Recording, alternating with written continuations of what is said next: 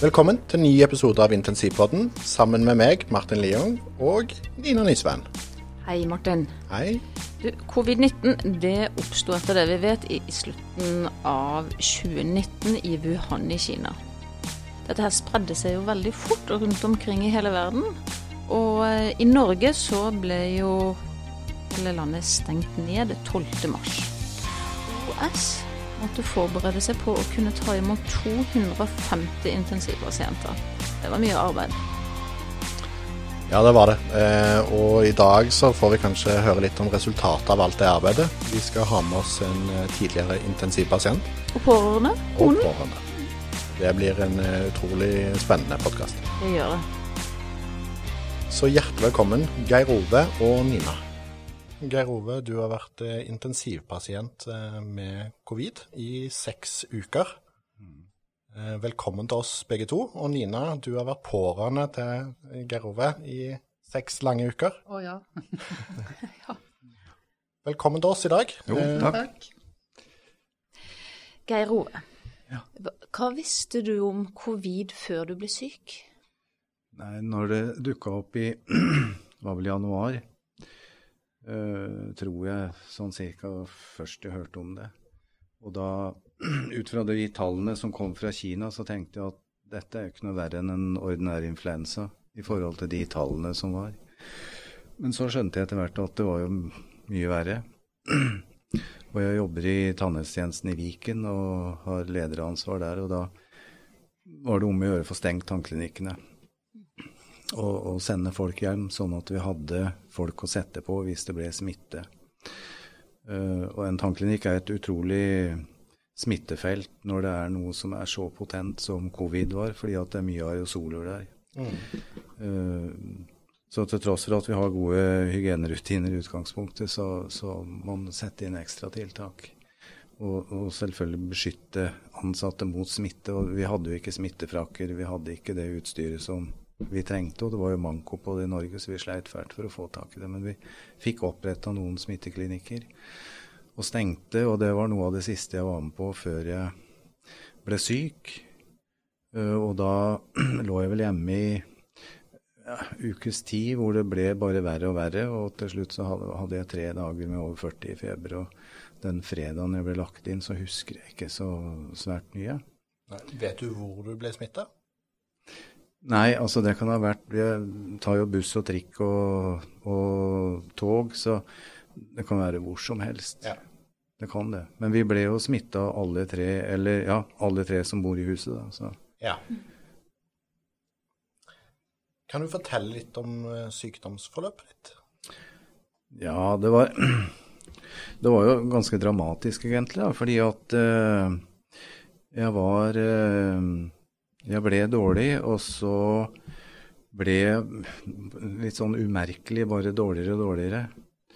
Og jeg burde ha reagert når jeg fikk over 40 i feber.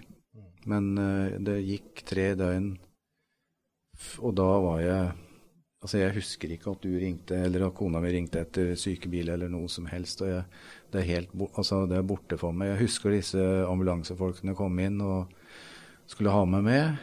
Og så husker jeg litt av den reisa mot Ahus, og så er det borte resten. Jeg husker ingen verdens ting.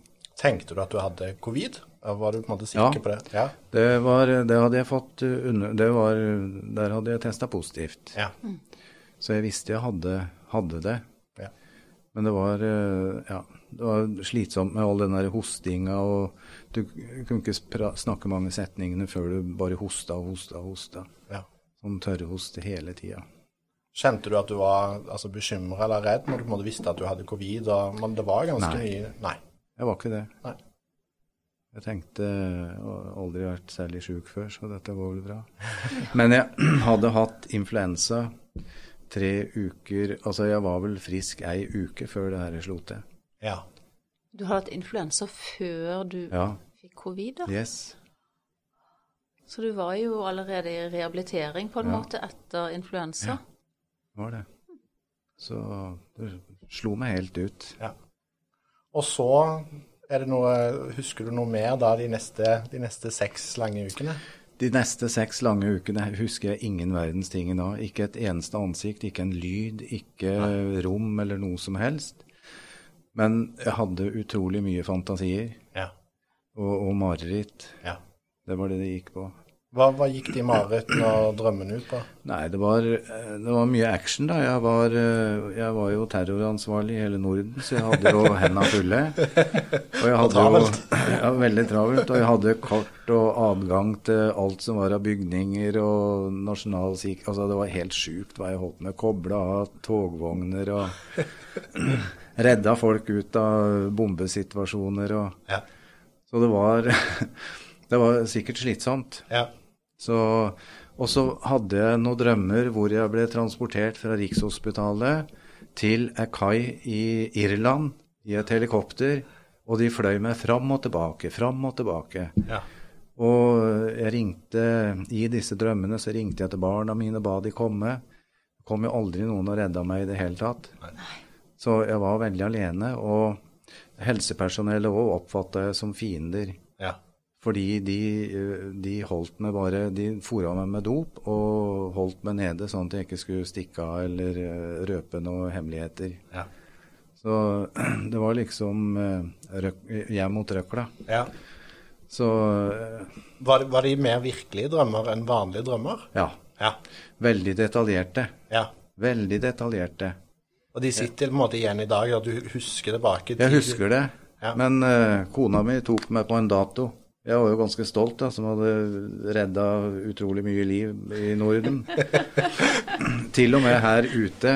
Nei, på helikopterdekket her har jeg vært. På Ullevål her oppe på Ullevål. Ja, det som har vært rø- rørbombe. Ja, ja, ja. Er Imponerende. ja. Det er veldig imponerende. Men, men, jeg hadde, men jeg hadde noen fantasier, og det fortalte jeg da til kona. Um, og så tar jeg meg på en dato, og da blir jeg veldig sånn i villrådet.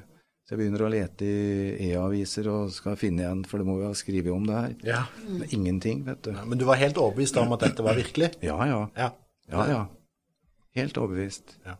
Og jeg begynte å snakke med For det, det var du jo eh, også etter at jeg anså at du var eh, våken og i normal tilstand, så fikk du jo noen sånne plutselig sånne setninger innimellom som ble veldig bisarre, fordi han trodde at han et eller annet, at han var et annet sted, eller at jeg måtte komme og hente han et sted som ingen andre fant. Altså, det var eh, en liten eh, god stund etterpå òg, hvor jeg, jeg liksom oppfattet at jeg hadde en normalsamtale med han, da, men så plutselig så var det et eller annet som eh, ja, dukket opp. Ja. Og det var når en av sønnene mine var og besøkte meg på sykehuset. Og han hadde begge beina i behold. For i mine fantasier så hadde alle tre sønnene mine mista beina i et bombeattentat. Ja. ja. Og de gikk rundt, jeg husker de fikk ikke proteser, så de gikk rundt på disse stumpa som var eh, sånn fillete og lefset. Altså det var helt De var ikke i rullestol engang? Nei. Nei. Det er ganske forferdelige drømmer og inntrykk. eh, Ja. ja. Ja, det er helt for, Det var det, og det jeg ser at en del, god del sliter med, er det at de greier ikke å slippe tak på disse, brem- disse drømmene. Så de plages lenge etter at de har kommet ut av respirator. Men jeg ser òg covid-pasienter uten, uten intensivbehandling, som faktisk har vært hjemme. De òg sliter. ja. Så Med det samme, da. Med en type drømmer. Og, Ja. og, ja. Hva, hva er det du, første du husker på altså, av virkeligheten, da? Var det på intensivavdelingen, eller? nei. Nei. Husker ingenting derfra. Ingenting der. Det er helt klipp bort. Du husker ikke at de hadde masker på og liksom var ugjenkjennelige og ingenting? da? Nei. Jeg har sett bildet etterpå som, som uh, stemmer overens med det jeg var utsatt for når jeg var i disse helikoptrene og ble flydd fram og tilbake. Ja. De hadde disse maskene og grønne frakker og sånn, og det dukka opp først for 14 dager siden. Ja. Akkurat den drømmen, for da var jeg på Rikshospitalet og besøkte intensiv 2, Ja. Og der var de grønnkledde. ja. Og da fikk jeg en- igjen, på en måte? Ja, da fikk jeg en assosiasjon, så jeg skjønte at aha, her er det. Her kommer det fra. Ja. Ja. Og i Jeg husker, jeg husker ikke åssen det har foregått, men jeg har jo fått en sykepleier til å ringe opp Nina. Ja. Og så ba jeg henne komme og hente meg. Altså mens du lå på intensiv? Ja. Ja. Og da lå jeg i Da var jeg tatt til fange i ei koie- tømmerkoie, hvor en sykepleier drev og dopa meg og satt oppå meg innimellom, for jeg var så urolig. Og jeg ba henne ryke og reise. Og så snakka jeg med Nina og ba henne komme og hente meg. Men hun var, eh, hun var jo da ikke på mitt lag, for hun fortalte at jeg var på Rikshospitalet og var godt ta- tatt hånd om. Ja. Men Det stemte dårlig med din virkelighet. stemte veldig dårlig. ble du sint da, eller? Ja, Ble da ble jeg, nok, jeg ble nok irritert da. Jeg, og kanskje mer fortvila. Ja. Og, da, og så hadde jeg sagt uh, til henne at uh, her kan jeg ikke være, for her flyr det bare en uh, haug med utrangerte dyrleger og, og doper ned meg. Slenger rundt i gangene om natta, og her er det ikke trygt for meg. Så, så det var rimelig fantasifullt. Altså. Ja. Ja. Og hvor jeg har det fra, har jeg ikke peiling. Men hva, hva husker du av måte, slutten av sykehusoppholdene? For du ble flytta etter hvert til lokalsykehus og Jeg flytta til Ahus. Ja. Så jeg husker eh, Jeg husker at eh, Men jeg husker ikke noe særlig før jeg ble flytta dit en fredag, tror jeg. Du ble flyttet dit fredag 8. mai. Ja. Og så husker ikke jeg noe særlig før jeg ble flytta over til lungeavdelingen av mandagen etter. Ja. Men jeg var jo så tungt sedert Ja. når jeg lå i, på intensiven at eh, og jeg skjønte i ettertid så brukte de veldig lang tid på å vekke meg. Ja. Jeg stritta imot og ville vel være borte, da. Du har jo fått sovemedisin i seks uker. Ja. Det er en stund. Ja. Det Eh, henger En og en halv måned. Ja, det Ja. henger igjen i kroppen òg, vet du, Ja. over lang tid. ja. Så når jeg var Jeg husker, altså jeg husker fra Ahus i, i starten Jeg har ikke noe sånn klart bilde av når Nina var der og sånn, men jeg, dette at jeg ikke kunne bevege hendene.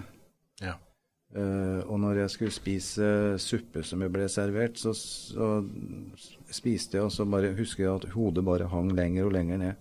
Hvordan var formen din når du, på en måte, når du, når du begynner å huske tilbake fra på en måte sengepost? Hvordan var formen din nå? For nå ser du jo relativt frisk ut. Jeg gjør det. Ja. Nei, Veldig var det- frisk ut. Da var det, ingen, da var det ingenting.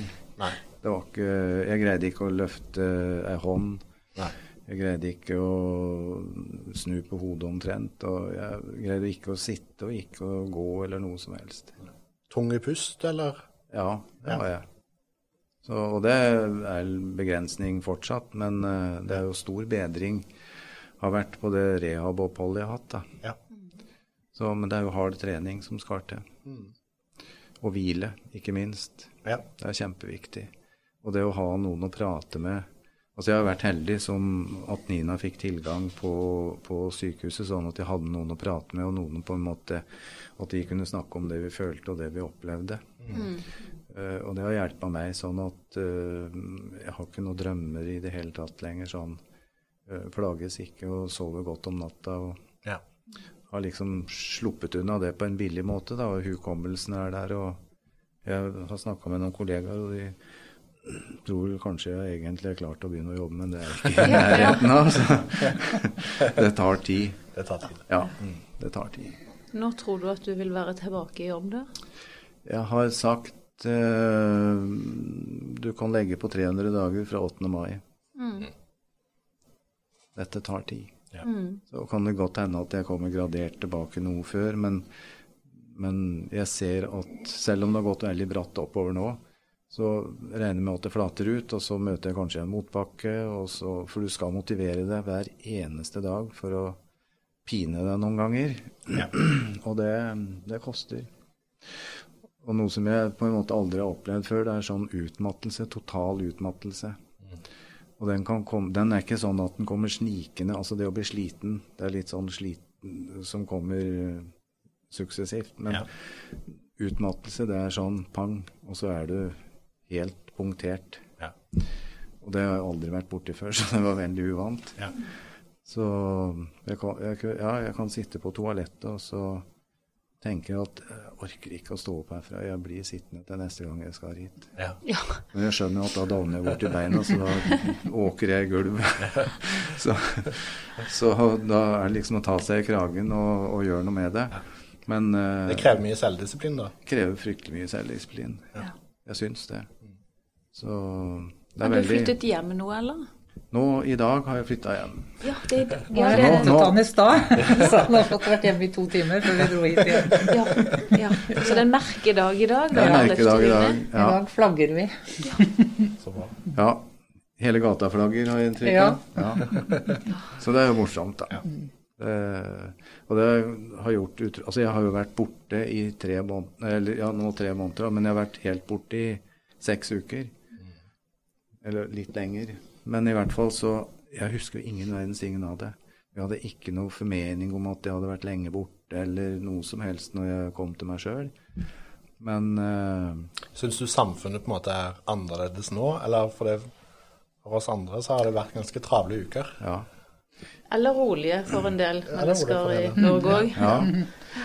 Nei, jeg nei, jeg kan ikke si at jeg merker noe særlig til det. Jeg har eh, Jeg blir fortørna når jeg ser folk stimle sammen. Altså sånn som den demonstrasjonen i Oslo. Jeg er ikke uenig i det i det hele tatt, men jeg er fryktelig Det blir helt på kanten av meg når folk stimler sammen på den måten der. Og det er på en måte en smittebombe. Og da er det ikke snakk om eh, 50 russ, men det er snakk om tusenvis av voksne folk som er på arbeid, og som kan smitte og føre smitte med seg, og kanskje en aldersgruppe hvor de ikke blir så veldig syke. Uh, og da uh, Det jeg har vært igjennom, forteller meg at jeg vil ikke bli Og jeg ønsker heller ikke at noen skal bli smitta av det her. Nei. Jeg skjønner at noen blir det, men altså uh, Det er så tragisk, det som skjer, at det, og det tar så lang tid. Og det koster samfunnet utrolig mye penger. Så jeg betaler skatten min med glede.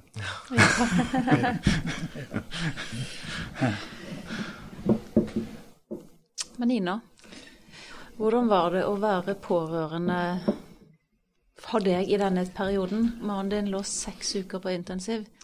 Fikk du, du fikk jo ikke komme inn. Nei, eh, det var, det var en forferdelig tid. Eh, Jeg husker han eh, Vi ringte jo etter legevakt en fredag. 20. mars var det vel, 21. mars. Og da, etter det så ble han bare fjernere og fjernere for meg. De, først så var det til Ahus, og så var det på isolat, og så var det Ringte en lege meg om natten og sa at nå skulle de legge han i kunstig koma. Og så gikk det noen dager, så ringte han og sa de måtte overflytte han til Rikshospitalet, for han ble så dårlig.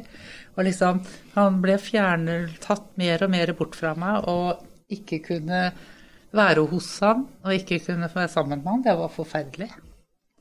Og så var jeg jo smittet selv også, så jeg var jo i isolasjon, jeg òg. Ja. Så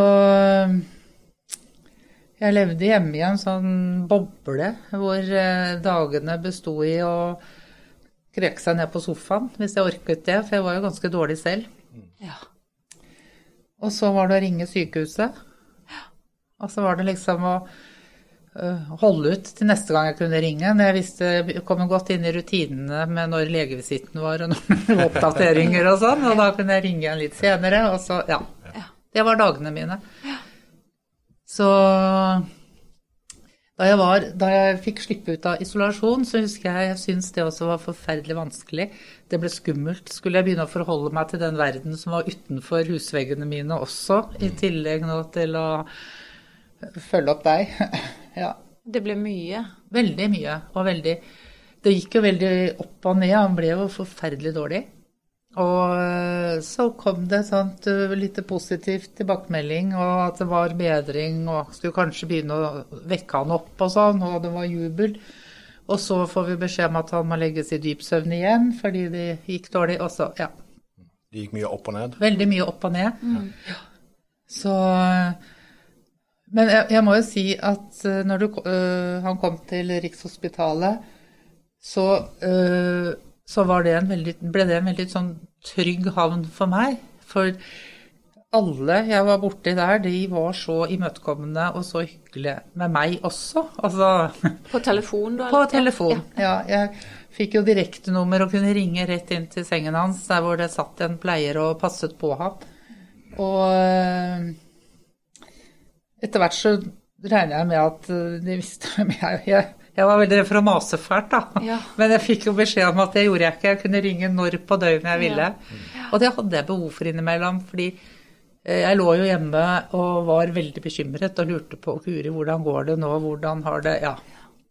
Og for å liksom få berolige meg selv litt, så, så måtte jeg ringe. Ja. Var det sånn at du ble på en måte informasjonssentralen for alle andre som Ja. ville ha informasjon òg? Ja, det også var rutinen. Jeg ringte sånn rundt halv ni hver morgen.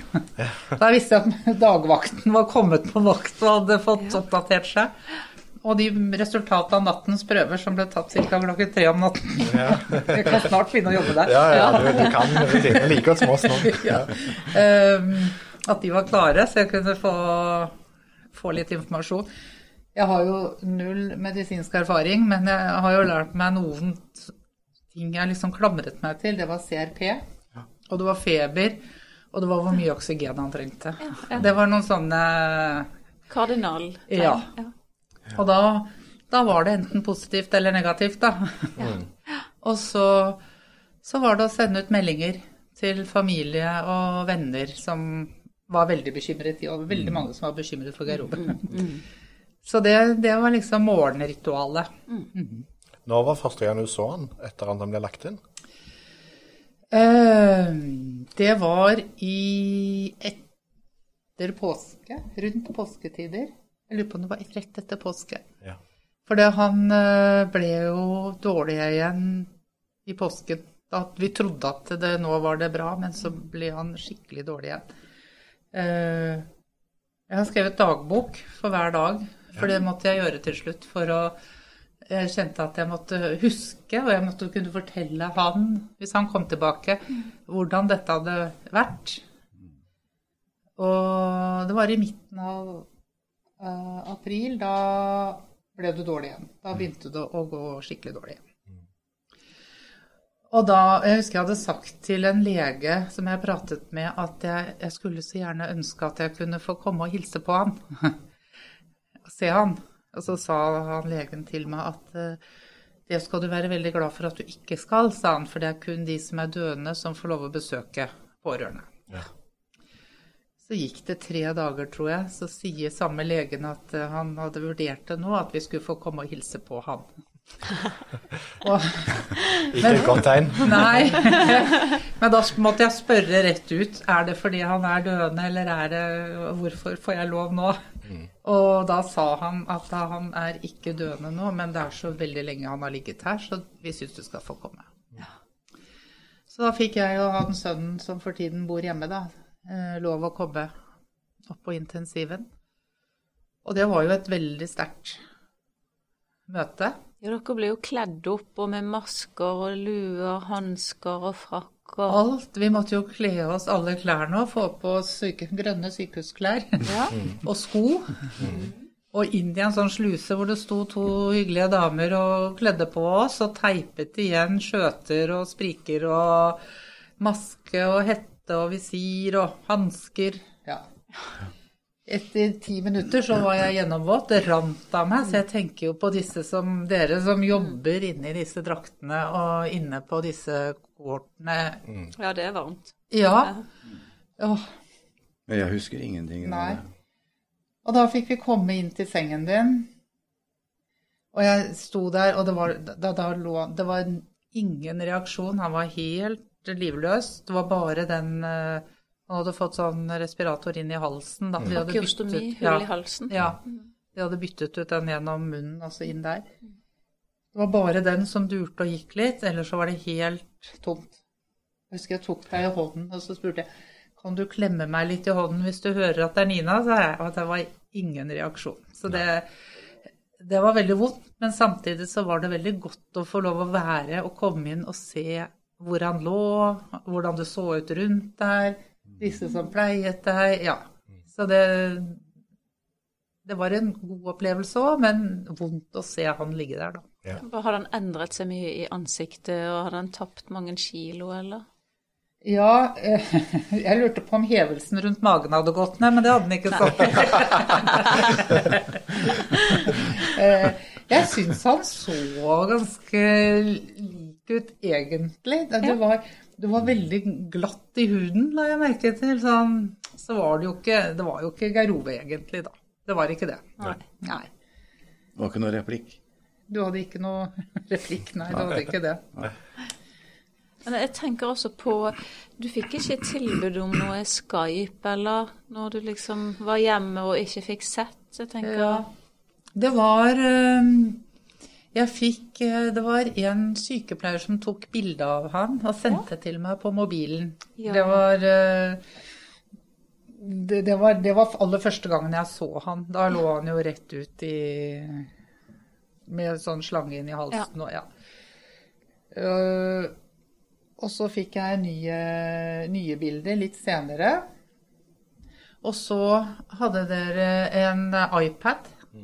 Så da dere begynte å vekke han opp, og han var litt mer eh, til stede, så ringte vi på sånn Skype-samtaler. Ja. Var ikke det litt godt å så få liksom Det var veldig Litt godt. Jeg husker første gangen jeg snakket til deg, det tror jeg var Jeg har bursdag 29. april. Og da hadde en av sønnene våre ringt til Rikshospitalet og spurt om ikke jeg kunne få komme og hilse på han som en bursdagspresang. Ja. Men det lot seg ikke gjøre da. For da, ja. Så hun, den sykepleieren som var der da, da ringte opp på Skype eller FaceTime. mm, mm. Så fikk jeg snakke til han, da. Jeg fikk ikke noe svar. Dårlig til det. Dårlig med svar. Men hun sa da, da han hørte stemmen min, så hadde det rent tårer av øynene hans. Ja. Så det er jo Håper jeg at du hørte hvem jeg var. Ja, jeg gjorde nok det. Mm. Men sånn i det store og det hele, hvordan ble du ivaretatt som pårørende? Veldig bra. Det var Jeg godt. har, ja, jeg har ikke noe annet å si enn godord om eh, intensivavdelingen på Rikshospitalet, som vi har forholdt oss til. Da. Ja, Ja. Jeg følte at det var eh, Alltid når jeg ringte, så var den jeg pratet med, oppdatert. Altså, de kunne fortelle meg, de visste hvem jeg var, hvem jeg var pårørende til, og hva som hadde skjedd med Geir Ove de siste timene. For det gikk jo bare noen timer mellom gang. Du ringte? Jeg vet ikke om jeg rykte på meg oppå der, jeg, før hun masa. Nei. Men eh, de var alltid like imøtekommende, alltid like hyggelige, og sa alltid til meg Jeg unnskyldte meg litt og var litt sånn ydmyk for at jeg ringte igjen, men jeg måtte bare ringe døgnet rundt. De satt der, og der var det ikke forskjell på dag og natt. Så det var bare å ringe. Og eh, informasjonen jeg fikk, var også sånn passe av jeg- hva jeg tålte, tenker jeg. For det jeg, jeg var ikke alt jeg trengte å høre alt det dårlige, liksom. Men uh, ja. Og følte jeg at jeg hadde behov for å snakke med en lege, så ble det videreformidlet. Og så ringte legen meg opp igjen. Og noen ganger så ringte jo legene av seg selv òg, uten at jeg hadde bedt om samtale, liksom. Ja. Men du har jo rosa Du har jo rosa disse på, på Rikshospitalet hele veien etterpå, så, så, hvor jeg har vært våken og kunne oppfatte det. Hvor, hvor godt ivaretatt du var, og det at du kunne ringe hele tiden. Og vi var der torsdagen for 14 dager siden var vi og besøkte Rikshospitalet. Og jeg kjente jo ingen, men det kom tyvetalls uh, mennesker inn på det rommet. 15-20 stykker. Og trodde ikke det de så. Og jeg husker en av legene, han kom inn og så strakk fram hånda, og så er det en annen lege som sier at vi hilser ikke nå, vet du. Jo, han skal jeg hilse på, sa han. så, og da hadde jeg hatt 14 dager med rekonvalesens, Um, hvor ja, den kanskje halvannen uke hvor jeg hadde i det hele tatt begynt å gå. Jeg greide å gå fire skritt, står det, i- står det i fysioterapirapporten Ja. når jeg kom på LHL. Hvordan har, for å komme tilbake til, hvordan har det vært med rehabilitering? Du har sagt litt om den fysiske formen i, i begynnelsen, men hvordan har det vært med rehabilitering videre? Jo, jeg var, var jo heldig da, og fikk eh, plass på LHL, og det, vi visste jo ingenting om hva som, hvem som kunne noe om det her, eller noe som helst. Men LHL var helt ideelt for meg. Der var det eksperter på hjerte-lunge, og jeg følte meg veldig trygg. Eh, og det gjorde at jeg turte å gutse til når jeg, når jeg trente, og jeg ble motivert Altså, de var flinke til å motivere, og de var veldig positive. Og de så, de så når jeg var sliten, de så eh, når jeg hadde behov for å snakke. Altså, det var, det var veldig ålreit. Ja. Eh, de var kjempeflinke, og det som bekymrer meg, da, det er, eller bekymra meg, det var hjemkomsten. Uh, om jeg fikk noe mer oppfølging og hjelp. Uh, og jeg er heldig som bor i Nes kommune, vil jeg påstå. De har òg vært flinke til å følge opp Nina uh, i den perioden her. Og Nina har tatt kontakt, da, og, så nå har jeg både fysioterapi og Frisklivssentralen å forholde meg til. Ja. Og det gir meg trygghet på at jeg kan fortsette å trene. Det eneste skår i gleden jeg hadde, det var eh, De mente jeg hadde fått en eh, At jeg hadde hatt et infarkt på hjertet når eh, jeg hadde så lav oksygenmetning. Men, og det, jeg tenkte Første kvelden så lå jeg våken mye og tenkte på det, men så fant jeg ut at hvis det hadde vært så alvorlig, så hadde jeg blitt tatt hånd om med en gang. Så jeg skjøv det unna òg. Ja. Og eh, det, jeg var på hjerte ultralyd, ultralyd av hjertet i går, og det var helt sunt og friskt. Så da var jeg fornøyd. Og det jo gir meg litt sånn guts til bare å fortsette, da. Ja.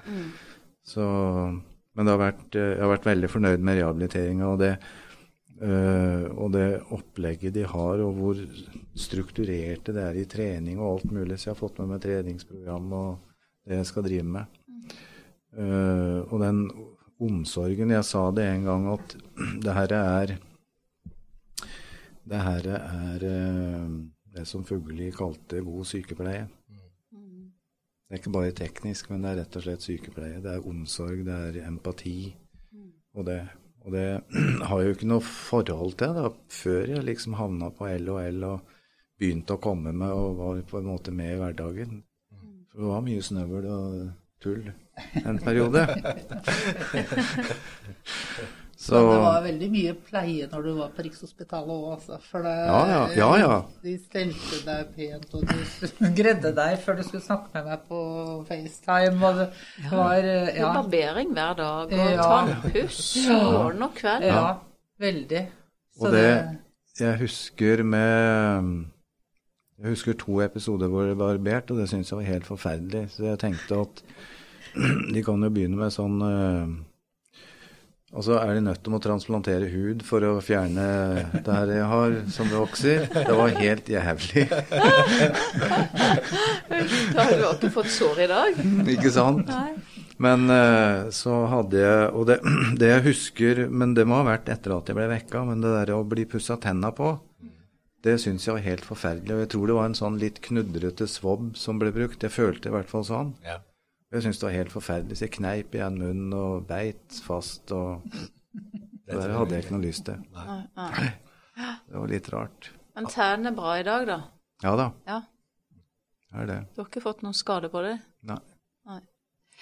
Altså det Vi som jobber på sykehus, vi tenker jo alltid forbedringer. Hva kan vi gjøre bedre, og hva gjorde vi ikke bra? Og har dere noe å komme tilbake til oss med Hva kunne vært bedre? Hva kunne vi gjort annerledes?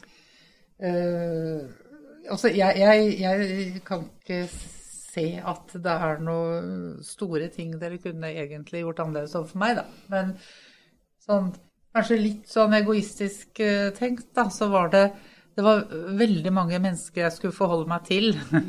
altså, om du, men jeg skjønner jo at det er vanskelig å få til en turnus hvor det skal klaffe alt sa- sammen. At det kunne være de, de samme som var på vakt på min garderobe, liksom. At vi Ja. Det var ikke noe problem, men altså det var, men det hadde kanskje betydd litt for deg å møte noen, eller høre noen av de samme stemmene? Ja, jeg gjorde jo det etter hvert, da. Ja. For det var, vi var, det var jo et langt forløp, dette her, så det var jo mange av de samme som kom igjen til slutt. Og øh, Men du har jo alle var sagt jo veldig hyggelige. Og, veldig sånn, men, og det var sånn når jeg skulle ringe om morgenen, så jeg, jeg lurer på hvem som er på vakt i dag, liksom. Og så noen informerte mer enn andre, og altså, ja. Vi er jo forskjellig laget. Ja. Og, og så var det, det var omtrent som en sånn russisk rulett. Er det, er det bedre, eller er det verre? Og Hvem får jeg snakke med i dag? Ja. Ja. Så det å kunne ha et fast crew på en måte, da, som du forholdt deg til det. Men det var ikke noe problem. Det er ikke noe problem, nei. Ja, du har jo sagt det at uh, du var uh, du var overraska over hvor samstemte de var. Altså Det var skikkelig teamarbeid, og de var oppdaterte. Ja, Det var ikke og sånn at du ringte, så kommunikasjonen ingen som virket så bra. Fordi det er noe jeg har uh, merket de få gangene jeg har hatt behov for å ligge på sykehus, så syns jeg det har vært så mye dårlig kommunikasjon. Altså den ene vet ikke hva den andre sier, og så Ja. Men det følte jeg at det var eh, veldig bra kommunikasjon på der du var. Ja. For det Da jeg ringte, så var det liksom Jeg trengte ikke noe særlig enn å si 'hei, det er Nina', eller 'jeg er gift med Geir Ove', så, så fikk jeg all den opplysningen, og da var de oppdatert på hva jeg trengte å vite. Ja. Så det var veldig, veldig bra. Veldig bra.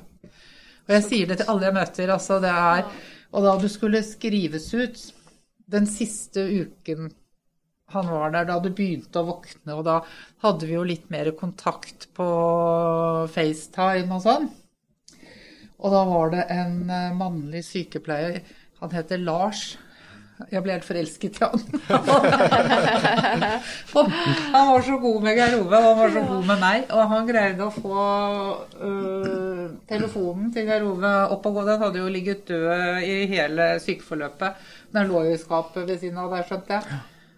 Og du var relativt omtåket, men du husket jo PIN-koden din, så da Oi, ja, det er bra. Spør Og meg om PIN-kode, så kan jeg det. Og plutselig så begynte det å tikke meldinger på mobilen min fra Geir Ove, så jeg skvatt jo, og så da var det Hilsen sykepleier Lars på vegne av Geir Ove. Det var så koselig. Og med bilder og sånn, så det var Ja. fantastisk. Og så, så har du skrevet dagbok underveis. Ja. Har den vært til noe hjelp i etterkant, eller? Den har vært til hjelp for meg. Ja. Eh, og for deg òg, sikkert. Men jeg brukte to uker på å greie å lese den. Ja. Eh, det var mye gråt og tårer. Ja. Eh, Veldig sterkt. Og det var en del bilder der, og i starten så orka jeg ikke det i det hele tatt. Syns det var helt grusomt å se, se det. Det minna meg Det ene bildet var akkurat som å se moren min når hun lå død på senga si. Og det var, altså, det var ikke noe det var ikke noe liv i det hele tatt. Det var blekt. Og, altså, ja. Så, men jeg kom meg gjennom, og vi har snakka om det. Og vi har eh, gått gjennom noe sammen, og etter hvert så har jeg på Jeg har hatt en dyktig psykolog på LHL som har um, styrka meg på det at det å unngå å, å, å snakke med kollegaer, eller det å unngå å se på disse bildene og sånn, at det bare på en måte forsinker prosessen på å bli frisk, og du kan utvikle posttraumatiske lidelser som du da kanskje ikke blir kvitt. At det får manifestere seg. Og det å dyrke Og jeg er livredd for å dyrke det her. Så jeg vil grave minst mulig i det, men samtidig så vil jeg ta i de tinga som kanskje er vonde, og som, yes, som er der. Eh, og det har jeg turt. Så jeg har gått gjennom alle bildene, og nå kan jeg se på dem uten at jeg liksom Det er meg. Jeg er sjuk. Ja. Men eh, jeg har ikke noe behov for å fornekte det eller å ikke se på det og sånn. Og Nina og jeg er veldig åpne og ærlige på når vi snakker om det her, og det har, det har vært helt avgjørende for min del. Og det at jeg har eh, beholdt sans og samling, det er veldig bra. Så jeg håper det står i epikrisen min og at jeg er eh, orientert og klar.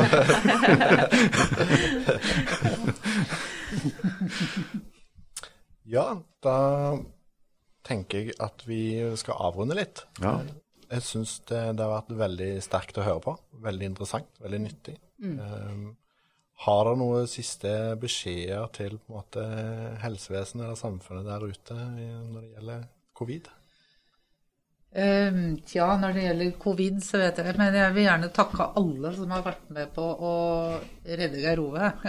For at jeg fikk han tilbake. Fantastisk hjelp har vi fått. Ja. Ja, takk. Tusen takk til alle som har vært, vært med på å redde livet hans. Det Jeg skal bringe det videre. Ja, takk. Jeg har jo sagt det at eh, jeg skulle ikke ha bodd i så mange andre land og kommet dit jeg er i dag. Så du kan si hva han vil om helsevesenet i, i Norge, men at eh, vi ligger på verdenstoppen, det er liksom bare å erkjenne. Og det viser jo statistikker og det viser undersøkelser at vi er, eh, vi er ledende på mange områder. Eh, nå er det der med covid, det er jo helt nytt. Så her må man gå en ny vei og se hvor Det er jo ingen som vet hvor mye eh, disse skadene på lungene mine, hvor mye de vil eh, Eller hva de vil bety et halvt år fram i tid. Og jeg er ikke noe opptatt av det heller. Det er som jeg sier til kona mi, at hvis det var aktuelt, så kunne vi godt ha tatt en tur på Galdhøpiggen. Det tar tid. Jeg må ha noen pauser og få igjen pusten, men vi greier det. Så, så Nei, jeg er veldig, veldig fornøyd med den oppfølginga jeg har fått. Eh, Bare så synd at jeg ikke har noe minne om alle disse som har sittet og snakka med meg og trøsta meg når jeg lå i, i respirator. Eh, men jeg håper, jeg håper virkelig at eh, folk forstår at dette her med med at grensen har vært stengt, og det at skoler har vært stengt, det har vært helt nødvendig for å, for å ha både kapasitet og for å hindre mye smitte. Eh, og vi har jo veldig få Vi har jo veldig lav sånn dødsrate på akkurat covid i forhold til mange andre. Eh, og det irriterer meg som sagt at uh, folk ikke bryr seg noe om og disse her forhåndsreglene som vi skal ta. Vi blir jo sjokkert når jeg er på et sykehus og det går voksne folk ut fra toalettet uten å vaske seg på hendene. Jeg skjønner liksom ikke hvor de har hodet i det hele tatt. Og, og disse store ansamlingene, og det at i pinsen f.eks., hvor forbanna folk ble fordi de ikke fikk være med bussen ut til Huk, og fordi at den var overfylt. og mm. jeg tror, ikke folk, jeg tror ikke folk har skjønt egentlig hvor alvorlig det her er. Jeg tror de har glemt det. på en Jeg tror de har måte, glemt det. Og, og skyver det vekk. Ja. Og så håper jeg at helseministeren ser at det å at staten går inn og gir kommunene midler til å følge opp ikke bare covid-pasienter, men alle som har vært i intensivbehandling. Fordi vi har, vi har en del problemer som vi sliter med. Nå er jeg heldig som har en familie som stiller opp og, og på en måte hegner om meg. Men det er jo mange der ute som ikke har noen familie. Eh, og det er mange som ikke har det pågangsmotet.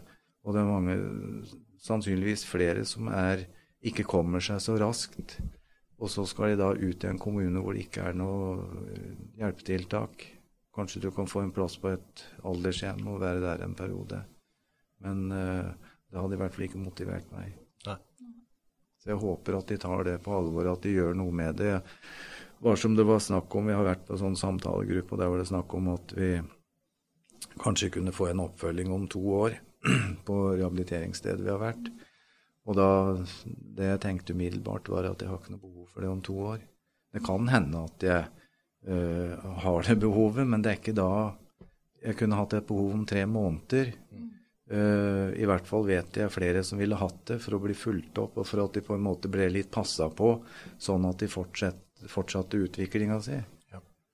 Kanskje en sånn intensivpoliklinikk Ja. for de som har vært på intensiv. Ja. Ja, det tenker jeg òg. Og det vet det med jobbes med, da. Det gjør det, ja. Det er jo midler som skal til, da. Ja, ja det er midler som skal til. Og, da, og, og det der med oppfølging av familie, det er jeg opptatt av òg. Sånn, eh, jeg har jo tre sønner, og jeg kunne ha tenkt meg at det var et Det kan godt hende vi får et tilbud etter hvert i, i kommunen, men jeg kunne ha tenkt meg at vi fikk uh, muligheten til å ha individuelle samtaler. Og at vi ville samla hele familien og snakket om det her. For det er klart det har vært et voldsomt traume for Nina og for gutta. Ja. Det har det. Og, det, og også når jeg kom hjem i dag, så sto det skrevet ved innkjørselen vår i asfalten 'Velkommen hjem'. og de flagga i gata. Så Ja. det er my utrolig mye følelser som har vært rundt den, og det har bevega meg veldig. Ja. Jeg har sittet på, sittet på LHL og strigrått på rommet mitt og sett Facebook-meldinger. Og, Ja. så nå, ja, det har vært veldig emosjonelt. Så, men jeg er glad jeg har greid meg fint. Og Håper vi det fortsetter. Ja, Ja. det det. Tusen takk eh, for at dere kom hit i dag, og eh, tusen takk for at dere delte denne historien med oss. Det har vi stor pris på. Takk for oss. Takk, det samme.